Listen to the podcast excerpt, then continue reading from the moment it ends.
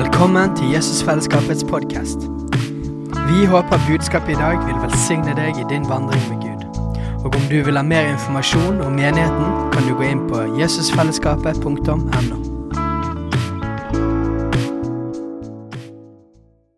De siste par ukene har jeg bare kjent Gud har satt meg fri fra ting. Han har fornyet mitt fokus.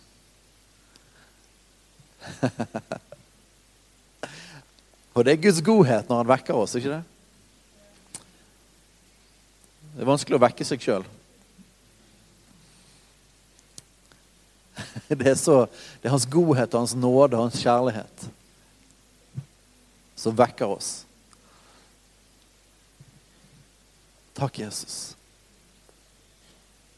Og Gjennom hele, hele kvelden her, hvis du, hvis du, kjenner at Gud kaller på deg, bare kom, kom og bøy kne. Bøy kne i, gangen rundt omkring. Det er et eller annet med å bøye kne og gi bare en respons. Gud gjør forskjellige ting i forskjellige tider og vektlegger forskjellige ting. Det er forskjellige ting Den hellige ånd vil gjøre.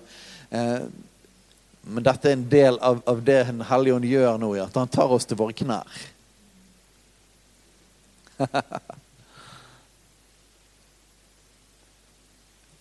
og knærne, det representerer ydmykhet.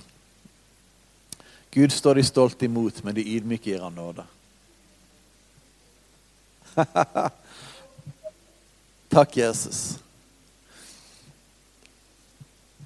Har ikke du lyst til å være en av de ydmyke som får nåde?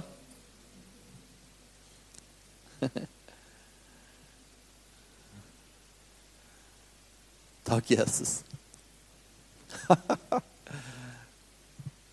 Jeg ærer deg og priser deg, her. Jeg lover ditt navn.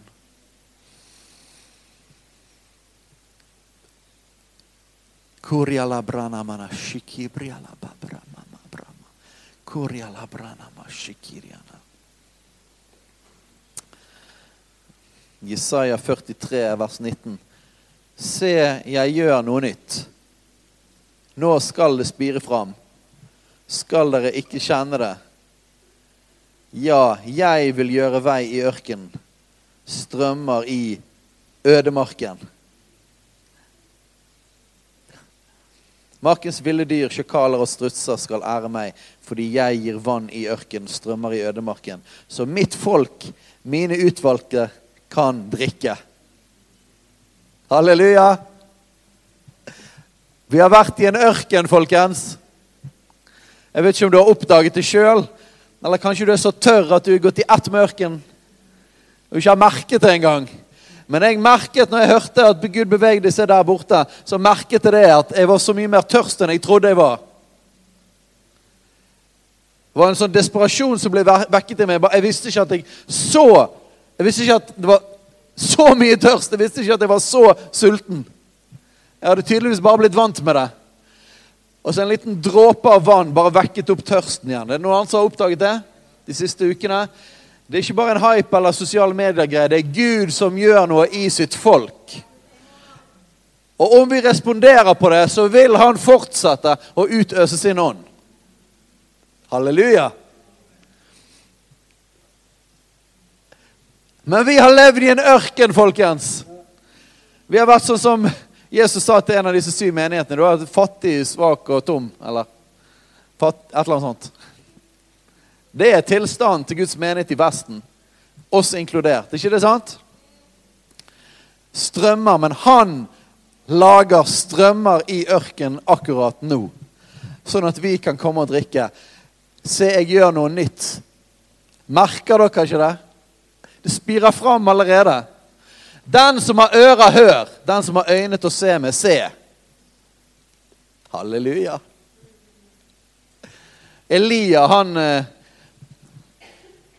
Han ba om at det skulle komme regn igjen i Israel etter det var tørke i tre år. Husker dere det? Etter de hadde tatt et oppgjør med Bal og avgudene.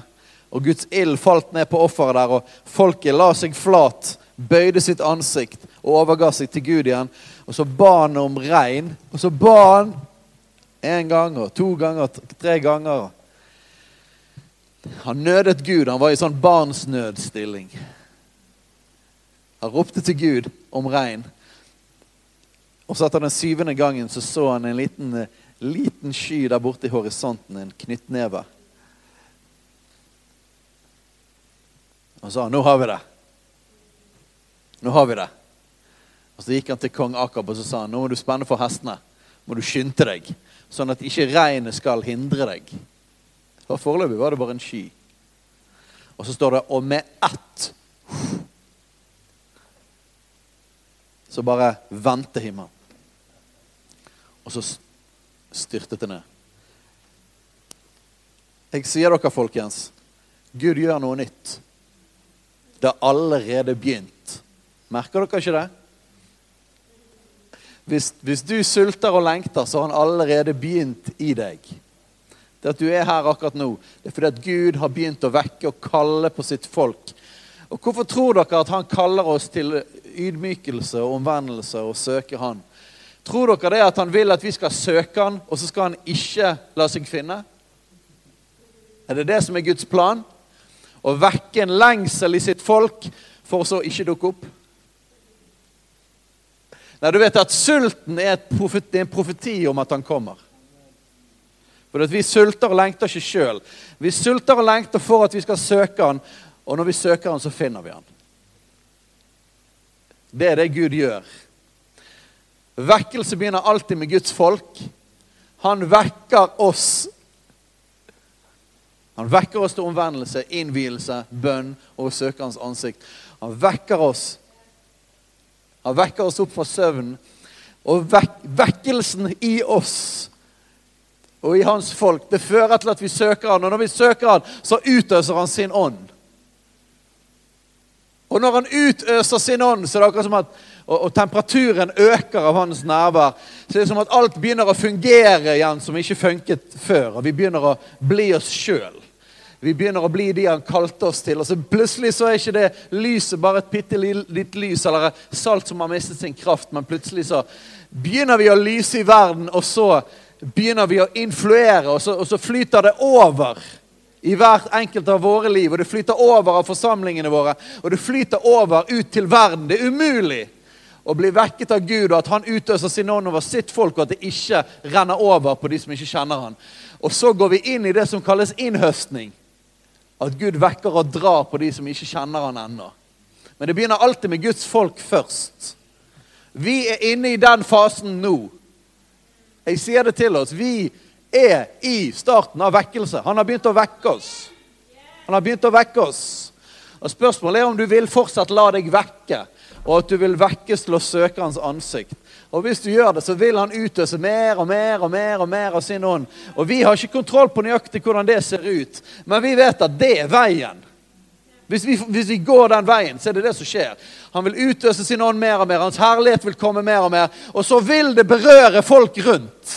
Det vil berøre byen vår og landet vårt. Og etter innhøstning, vekkelse, utøselse, innhøstning, så kommer transformasjon. Da begynner det å forandre samfunnet vårt. Dette har Gud gjort igjen og igjen og igjen gjennom historien. Han har gjort det igjen og igjen i Norge, og han har gjort det i Europa mange ganger. Og det, vel, det typiske når Gud begynner å vekke sitt folk, det er at det ser skikkelig elendig ut rett før. Jeg vet ikke om du har vært til stede i Norge i det siste. Jeg vet ikke om du har øyne til å se med, men jeg syns ikke det har vært veldig hyggelig de siste årene. Halleluja. Statistikken for Europa Det er noen statistikere i, England som har funnet ut da, De har sett på statistikken over nedgangen i antall kristne i Europa. Og Så fant de ut at i 2050 vil det være ingen kristne igjen i Europa. Basert på statistikken. Men de har glemt det, eller kanskje ikke de visste om det, at det er alltid i de tidene Gud vekker sitt folk. Men du kan jo velge da om du vil være en del av frafallet eller vekkelsen. For det kommer ikke til å være noen andre alternativer etter hvert. Gud kommer til å sette et skille gjennom hele sitt folk. Enten kan du velge frafallet, eller så kan du velge vekkelsen. Halleluja!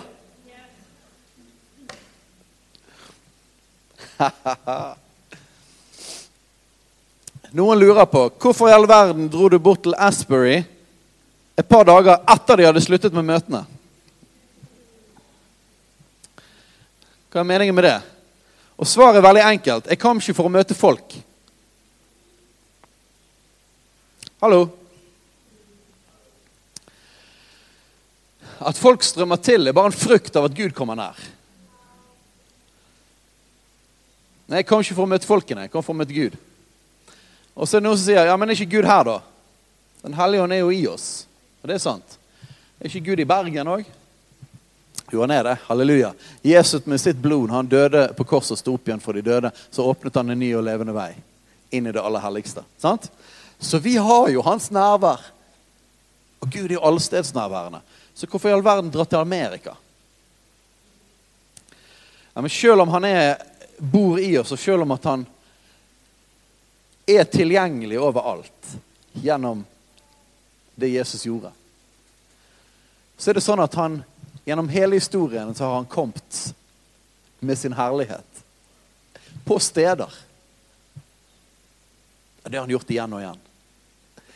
Og så er det sånn at når han gjør det, så er det sånn at det er aldri bare for det stedet. Men han bare begynner et sted. Han velger seg et sted. Vi gjør det der. Veldig ofte i et sånt Betlehem. En bitte liten by. Middle of nowhere. Veldig ofte. Bare for gøy, tror jeg Gud gjør det. Bare for å lage litt kaos. Bare for, bare for å, å ta oss litt på sengen. Men det er aldri meningen at det bare skal være der. Eller begrenset til hvor lenge liksom, de hadde møter der. eller noe sånt. Men Gud åpner òg opp en brønn fordi han kaller på de tørste. Fordi det er de tørste som får drikke. Halleluja. Og Sånn har det alltid vært. Og sånn har vekkelse alltid spredt seg. Jeg leste om TB Barrat. Vet du hvem det er? Pinsevekkel, pinsevekkelsen i Europa Han var lederen for den. Pinsevekkelsens far i Europa. Han var norsk metodistprest. Og så hørte han det om, om vekkelsen i Asusa Street. Guds herlighet som kom. Herlighetsskyen som kom i Asusa Street i Los Angeles. Halleluja.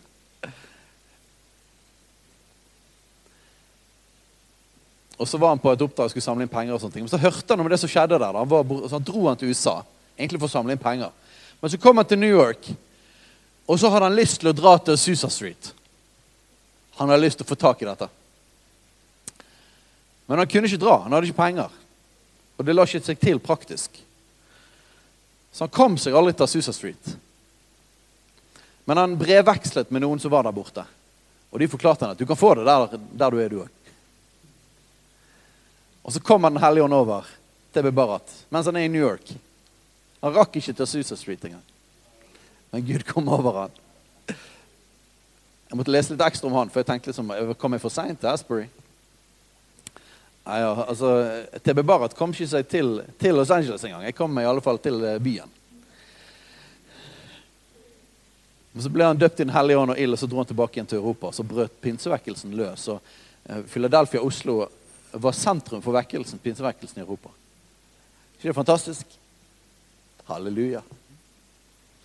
Men det har alltid vært sånn i historien at, at de sultne de kommer for å drikke. Og, og eh, det er ikke en sånn magi i det, men det er Gud som responderer på, fullt, på sult.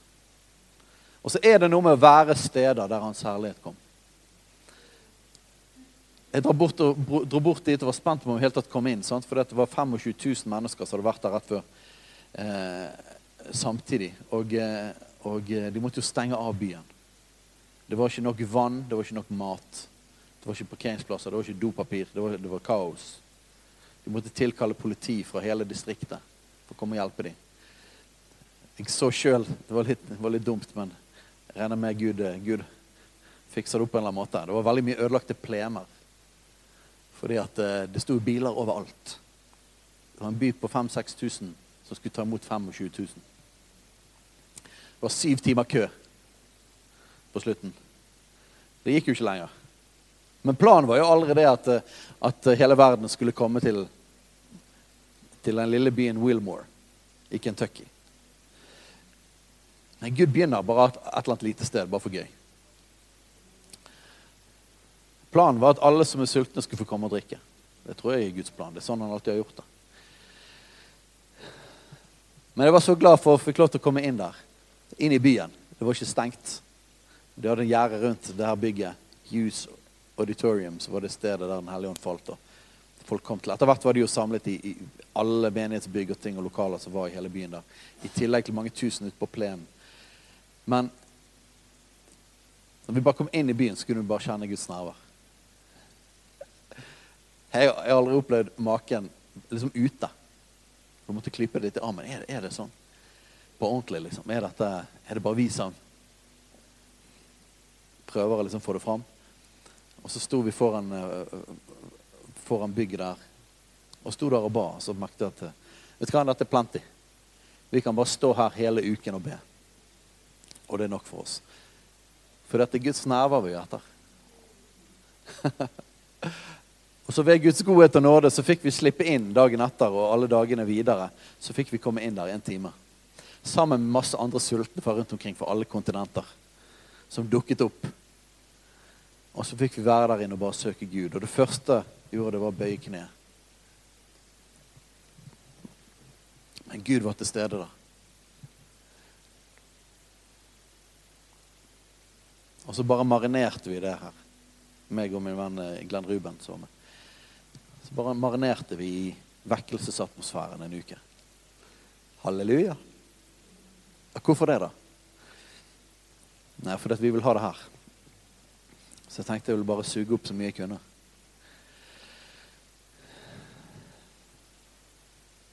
Men jeg vet òg at det er ikke noe magi i dette. Vi kan ikke tvinge Gud fram.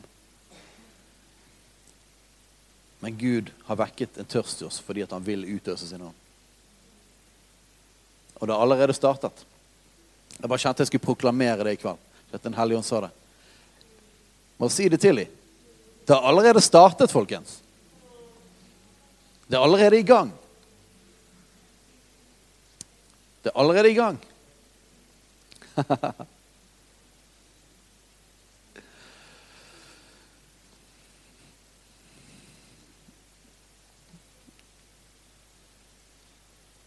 Takk, Jesus.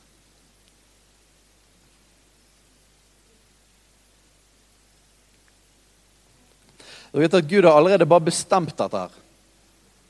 Han har bestemt det. Han responderer alltid på sitt folks bønner, men det er han som får, oss til å begynne å be. Så han begynner å få oss til å be, og så responderer han på våre bønner. Det er hans plan.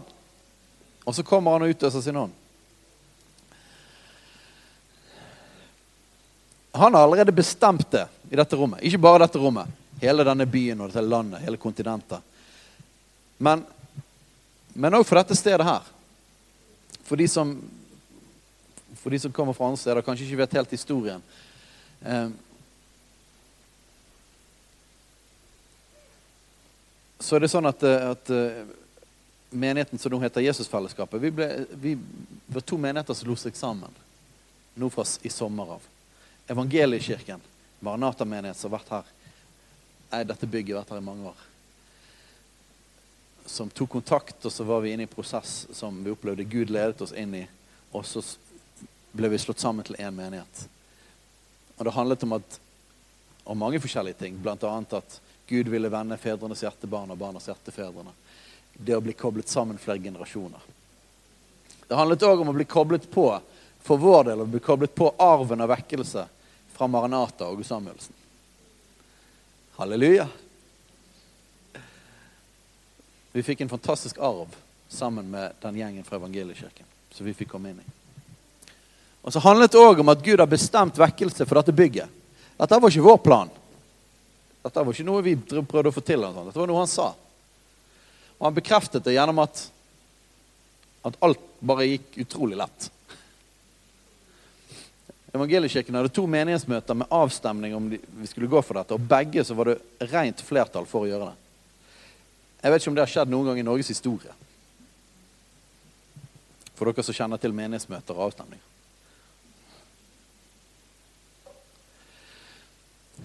Når jeg var her og ba, når vi ble spurt om, om vi skulle gå inn i den prosessen, spurte om jeg kunne gå her og be oss. høre hva, hva Gud hadde tenkt på dette. For det, det var liksom ikke på vår radar i det hele tatt. Så var jeg inne i rommet her og ba, og så sier han eh, Så begynner han å tale om hva som skal skje her. At han vil utøse sin ånd. Om en elv ifra tronen skulle flyte fra dette stedet. Om mirakler. Og alle de hundrevis og tusenvis av mennesker kom til å bli døpt i det bassenget der. Om at Gud kom til å dra de sultne hit. At dette skulle et sted av bønn og lovsang. Og Siden det har vi begynt å ha bønn og lovsang hver dag her. Men dette var ikke noe vi fant på, det var noe Gud talte. Jeg tror det var oppimot 15 stykker uavhengig av hverandre som kom med det samme profetiske ordet som det Gud hadde talt meg om dette stedet.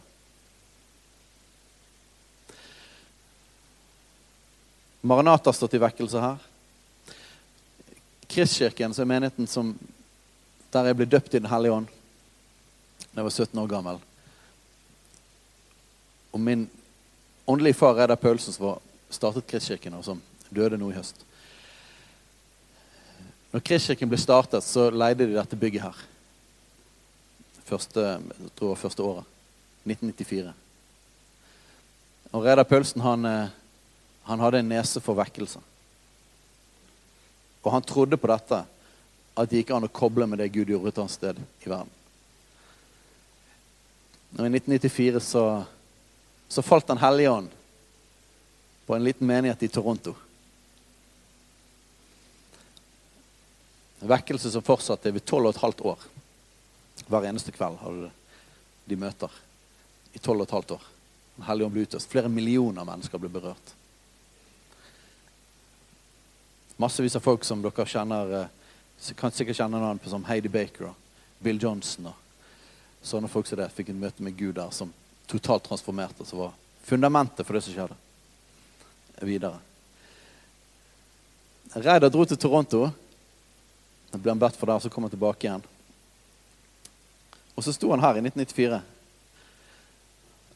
og fortalte om det som hadde skjedd, og så falt Den hellige ånd i bygget her. Det er ikke meningen, akkurat som med Asbury, det er ikke tanken at, liksom, at, at Gud vil gjøre noe ett sted, og så har han tenkt å beholde det der. Nei, nei, nei. nei. Alle steder han gjør noe, så vil han spre det. Men jeg vet, helt uten at jeg har funnet på det sjøl, så vet jeg at uh, dette er et sted av vekkelse. Sånn er det bare. Og jeg sier det ikke fordi det er veldig sånn, uh, at det er sånn typisk norsk å si sånne ting som det. Jeg sier det fordi at Jesus Kristus er min herre, og han sa at jeg skal si det. Han har sagt at jeg må profetere og tale ut det han sier. Fordi at når vi går, samarbeider med det han sier, så skjer det han sier. Derfor sier jeg det. Så dere skal vite det, og fordi jeg taler det ut atmosfæren. Dette er et sted av vekkelse. Så når det begynte å skje noe i Asbury, og Gud vekket opp ting i meg, så visste jeg hva jeg måtte gjøre. Og så sa jeg eh, OK, Gud, jeg har lyst til å dra dit, men jeg har ikke penger, og vi har ikke penger i menigheten heller til at jeg kan dra over dit. Så, men, eh, men så opplevde Den hellige ånd sa folk kommer til å gi deg, penger. Dra bort. OK. Så du bare delte dette her ene uken, og så kom folk og ga penger. Og så fikk jeg mer enn nok til å dra. Halleluja. Mange av dere sitter her og var med på så inn i det. Det er ikke tilfeldig, dette. Det er en profetisk historie. Der vi alle sammen bare gjør vår bit i det Jesus sier vi skal gjøre. For at Jesus han holder på å gjøre noe i sitt folk. Halleluja. Og dette kommer til å være en av stedene der han kommer til å utøse sin ånd mer og mer og mer. Og mer. Og heldigvis så er det en fantastisk enhet mellom menigheter i byen og menighetsledere i byen. Hver eneste, hver eneste fredag så møter vi en gjeng med pastorer i Bergen, og vi roper til Gud sammen. Det er det høydepunktet hver eneste uke. Det er en fantastisk enhet, og bare folk som er sultne og overgitt til Jesus. Virkelige venner og brødre. Vi vil stå sammen for vekkelse i denne byen. Dette handler ikke om ett ministry, ett sted, ett bygg, en menighet. Dette handler om hele hans folk. Det er fantastisk å stå sammen med sånne folk som jeg vet bare vil ha alt Jesus vil ha. Men vi skal spille vår rolle. Og en av de rollene er at dette stedet skal få være et vekkelsessted etter hvert 24-7. Og det har allerede startet. Det er derfor vi er her nå. Jeg tror ikke du er her av en tilfeldighet. Halleluja.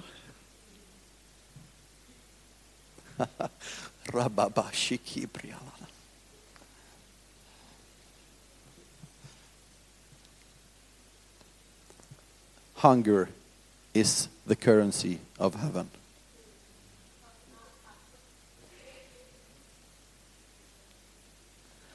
Hunger er himmelens valuta.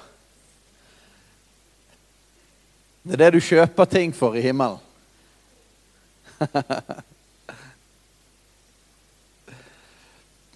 så hvis du ikke har en hunger, så har jeg lyst til å be om det i dag. For det er første steg i vekkelsen. Men vi klarer ikke å skape det sjøl. Så hvis du merker det at ah, jeg klarer ikke helt å connecte med disse tingene Gud vil skape hunger i deg. Hunger er det som gjør det at å søke Han ikke bare er et strev, men det gjør at du har en indre drivkraft til å søke Hans ansikt. Halleluja. Så Det er supert hvis vi bare lar hendene på hjertet vårt. Du må ikke gjøre det, men hvis, hvis det er greit, så legg hånden på hjertet ditt. Det er bra å gjøre sånne fysiske handlinger.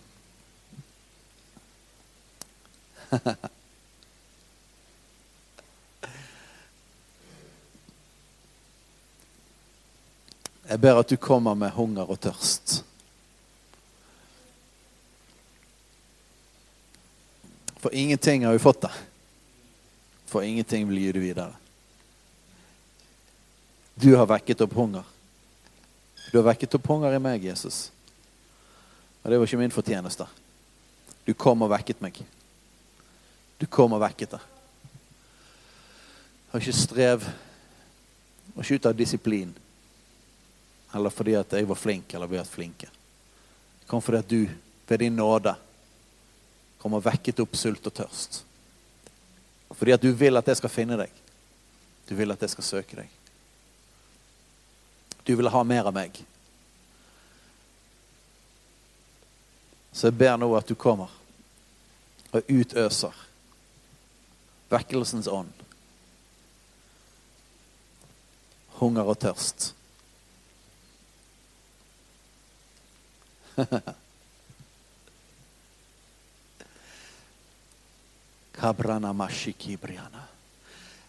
Jeg ber om en hunger som gjør at vi gjør andre prioriteringer.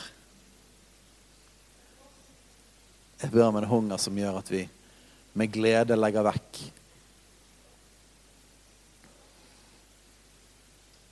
Du vet, Hvis du er sulten, så er det ikke vanskelig å spise.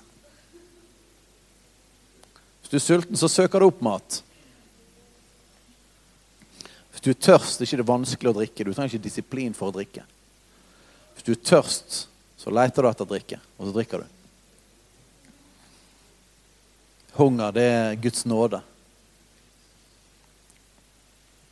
Det han leder oss til rennevann gjennom å legge hunger i våre hjerter. Så jeg ber Hellige Ånd at du vekker oss. At du vekker lengselen i oss. Etter deg, Jesus. Etter mer av deg. Takk for din nåde at du vekker oss, ditt folk her. Du har kjøpt oss med ditt blod, og du elsker oss hver eneste en av. Vi er dine sønner og døtre. Men samtidig som vi er det, så erkjenner vi det at vi har vært uh, knusk tørre, Herre. Vi har ikke vært salt og lys og vi får ikke det til i vår egen kraft her. Vi har ikke virkelig gjort forskjell i samfunnet vårt. Vi får ikke det til, Gud. Men du vekker opp en hunger og tørst, sånn at vi skal få mer.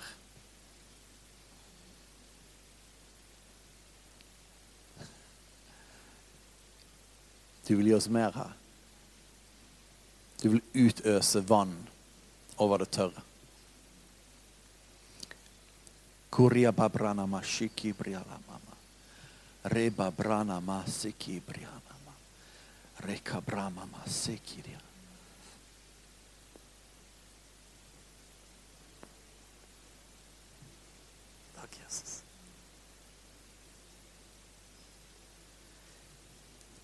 Jeg ser i ånden at det, det kommer til å stå folk på alle mulige gatehjørner i byen her. Jeg leste i en bok som heter 'Guds generaler' om en som er Dowie i Chicago. Han hadde 70 stykker som sto på forskjellige hjørner i Chicago og forsynte evangeliet. Og det ble sagt at det var vanskelig å gå rundt i byen der uten å høre evangeliet. Og Jeg tenkte ikke på Dowie de tingene nå, men Gud viste meg det at det kommer til å stå folk på alle mulige gatehjørner i Bergen og forsyne evangeliet.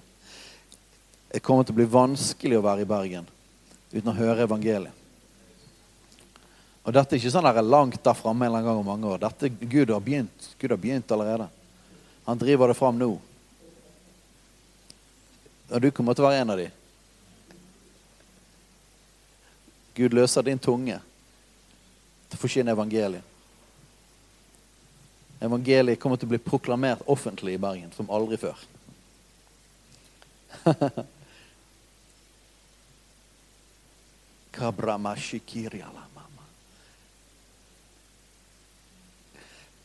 Og du, Øyvind, kommer til å bli multiplisert. Den ånd som er over deg, kommer til å bli multiplisert i byen her. Det du har sådd ned i folk. Gud kommer til å bare reise opp folk. det blir multiplisert. Jeg ser at du bare er overlykkelig for at det er nesten så det ikke er bruk for deg. Du kan gjøre det for gøy. Men det, liksom, det trengs ikke, for det er nok folk. du skjønner hva jeg mener? Gud kommer til å multiplisere deg, Eivind.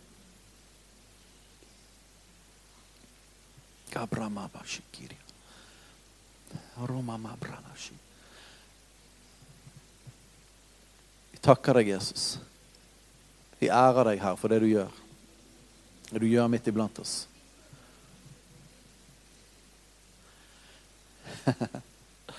og vi har lengtet sånn, Herre, at du skulle bevege deg. Og Vi har prøvd å være trofaste, Herre, i det du har gitt oss. Men vi har ikke klart å tvinge dette fram, Herre. Men du beveger deg på nytt nå, Herre. Og vi sier ja. Vi sier amen. Vi sier 'la meg få være med'. Sett oss fri fra kynisme, Herre.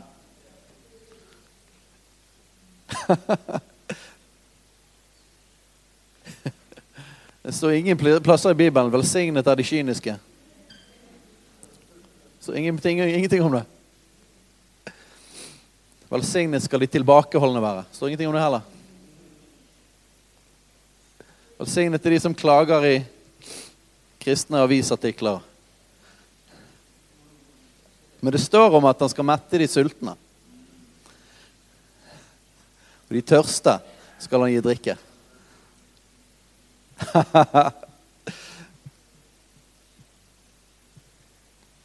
de barnslige. Guds rike hører sånne folk til. De som blir som et lite barn.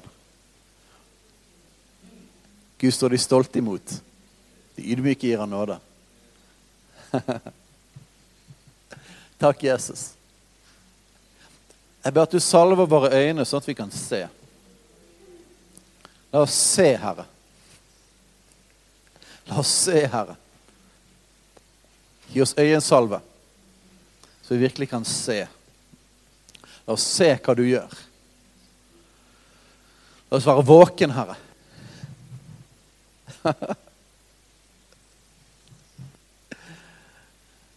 Det var helt sikkert folk som ikke gadd å gå ut i ørkenen når, når uh, Johannes døperen var der. Det var helt sikkert folk i byen når Jesus gikk forbi, men de gadd ikke å henge ut der med alle disse hysteriske.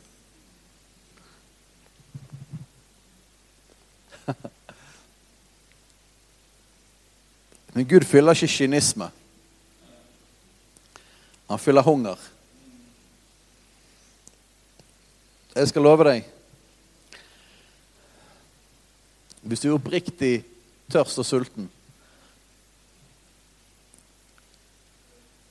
Skal du dra til et sted der det ikke var en ekte vekkelse engang, men Gud vil møte deg likevel?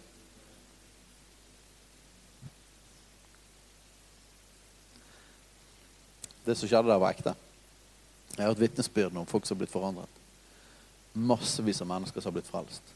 Massevis av folk som bøyer sine knær for Jesus og overgir sine liv igjen. Bekjenner sin, blir satt fri fra onde ånder. Massevis av historier og mirakler. Jeg fikk snakke med en fyr som, som var vekket opp fra de døde. jeg har aldri hilst på en som ble vekket opp fra de døde før. Spiste middag med han. Midt i middagen så bare 'Forresten.' Og så puffet han. Okay. Det var en vekkelsesby, rett og slett. Og jeg har sagt Det hver gang, det var ikke tilfeldig at det skjedde noe der. For det har vært bønn og bønn og faste der i så lang tid. Vet dere hvem som, dere hvem som får utøselser av Den hellige ånd? Det er de som verdsetter det på forhånd. Det er ikke de som er imot det. De får ikke det. Halleluja. Hele byen der var bygget på vekkelse. Hele universitetet var bygget på First and Second Great Awakening. På metodistvekkelsen i England. Alt det som skjedde i USA. Alt var bygget på det. Hvem tror dere forvalter det godt når Den hellige ånd kommer? Det er jo de folkene som verdsetter Den hellige ånd på forhånd. Og når han kommer, så kjenner de det igjen, og så verdsetter de det, og så forvalter de det bra. Det var det som skjedde der, men det er ingen tilfeldighet. Han kommer der han får rom, og der han er ønsket. Gud kommer med ilden, men vi må komme med offeret. Offeret er livet vårt. Han tenner ilden, vi er veden. Gud har tent en ild, og den kommer til å vokse. For dette er personlig og jeg vet veldig mange av mine venner, vi kommer til å kaste oss på den ilden. Og da kommer den til å vokse. Det er sånn Guds rike fungerer.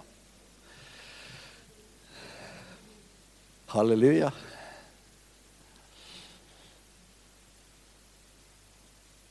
Hvis du liksom Sånn som en del folk i, i, landet vårt og rundt omkring i verden og Hvis man tenker liksom sånn her, hvis du sitter på avstand og vurderer hm, er dette ekte vekkelse, da er du allerede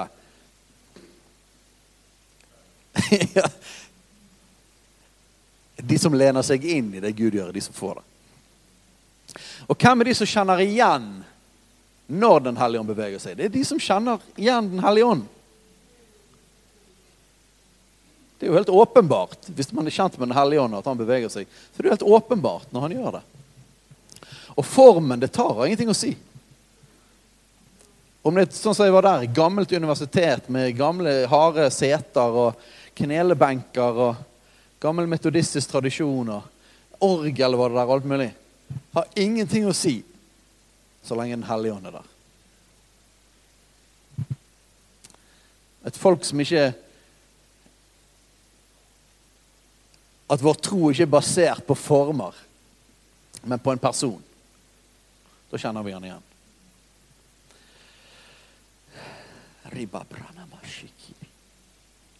Halleluja.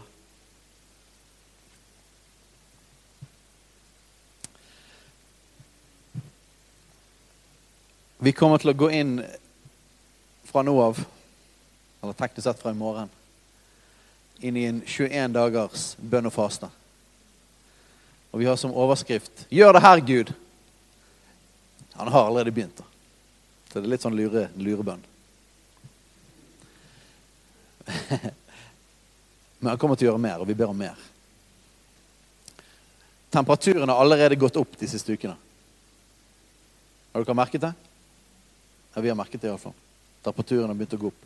De begynner å poppe rundt omkring. Mange steder i verden. Det er tider av vekkelse, folkens. Har du lyst til å kaste deg på det?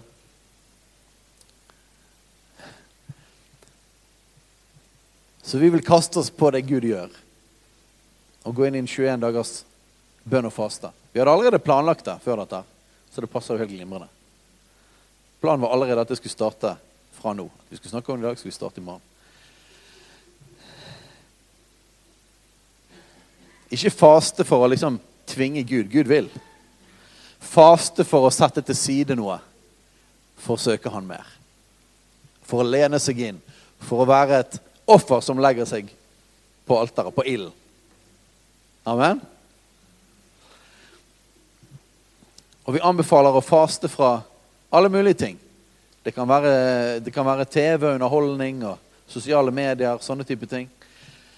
Så anbefaler vi å faste i alle fall én eller noen dager fra mat i den perioden.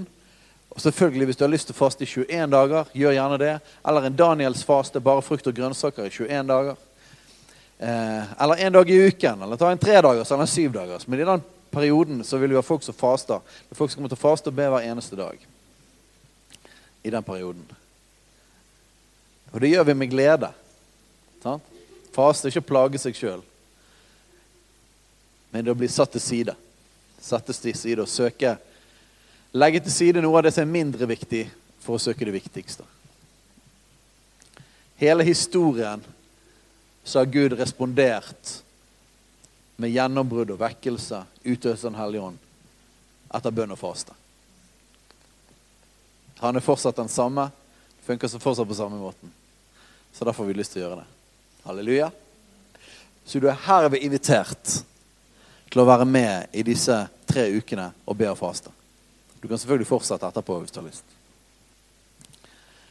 I tillegg til det så kommer vi Vi har allerede bønn og lovsang på forskjellige tidspunkt her på dagtid. Som de fleste av de på dagtid gjennom uken. Men eh, nå i disse tre ukene så kommer vi til å ha bønn og lovsang her hver kveld. Hver kveld klokken 19 kommer vi til bønn og lovsang her. Du er herved invitert. Hvorfor gjør vi det?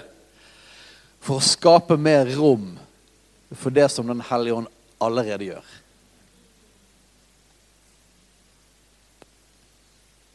Han gjør det allerede, men vi vil ha mer. Vi vil at ilden skal øke. Så derfor har vi bønn og lovsang her. Gud kommer til å sende massevis av sultne folk fra hele byen. Og å være her, bare for å understreke det Det betyr selvfølgelig ikke at du må være med i menigheten vår. eller sånt. Det handler ikke om det. Ta ild med deg til ditt eget hus, ditt eget hjem, ditt eget liv og din egen forsamling. Og hvis det er bønneinitiativer og sånne ting i, i, din, i din, menighet, så heng, heng deg på det. Gå for det. Dette er bare den tingen Gud ba oss om å gjøre. Men jeg vet at han også sa at det kommer til å komme sultne folk fra, fra hele byen. Fra området omkring og fra andre sammenhenger. Så det er veldig lov. Ok? Det, handler ikke om her, og det handler ikke om, om, om vår menighet. Det handler om byen vår. Det handler om at vi har lyst til å bygge et skikkelig svært bål. Sånn at vi kan være med på å se hele byen satt i brann. Så du er herved velkommen til å komme her. Så ofte du har mulighet. Jeg anbefaler deg kjenn din besøkelsestid. Det er ikke sånn at man alltid kan komme hver eneste kveld og bønn og lovsang. Vi har andre ting som skjer i livet vårt, og det er helt greit. Okay? Men i noen tider der Gud beveger seg, så er det viktig å lene seg inn i det. Og ta et valg om å gå inn i den ilden. La ikke tiden gå forbi. Nå er dagen. Nå er det tiden til å kaste seg inn i det. Og hvem vet hva Gud kommer til å gjøre i byen vår? Du har allerede hørt de profetiske ordene, har ikke du det? om hva han vil gjøre i byen vår, og i landet vårt, og i verdensdelen vår. Hva om dette er starten, folkens? Jeg skal iallfall ikke stå i veien for det.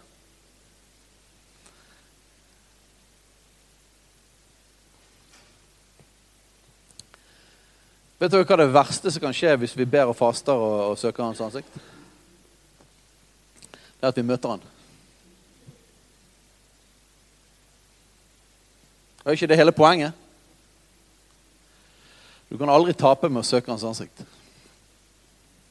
Vi kan ikke kontrollere timing på når Gud gjør ting, og forskjellige ting, og hvordan han gjør det. Men det vi vet, er at om vi søker Han, så vil vi finne Han.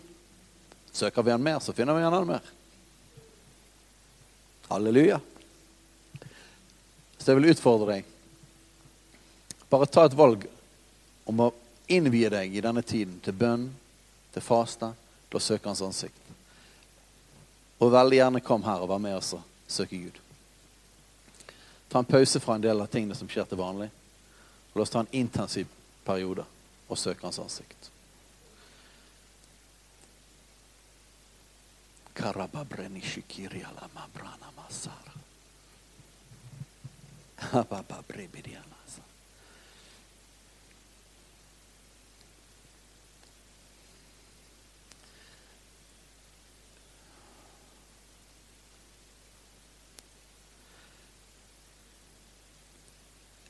Gud gjør noe spesielt blant de unge. Generasjon Z. Jeg hadde noen videoer jeg lurte på om jeg skulle vise i dag formiddag eller i kveld, men jeg, kommer ikke til å gjøre det. Men jeg kommer til å legge dem på nettet. Så jeg vil anbefale at du ser dem. Jeg intervjuer noen folk borte i Asbury. De forteller om deres opplevelse av vekkelsen og hva Gud gjør. Um, men de snakker bl.a. om hvordan, hvordan Gud berører de unge. Og den unge generasjonen i vår del av verden, de trenger virkelig De trenger inngripen fra Gud, at Gud rekker ut sin hånd. Er ikke det? Det er ikke de som har valgt det, men de, ingen generasjon har blitt så bombardert av inntrykk. TikTok-generasjonen Sant? Men Gud beveger seg blant dem nå.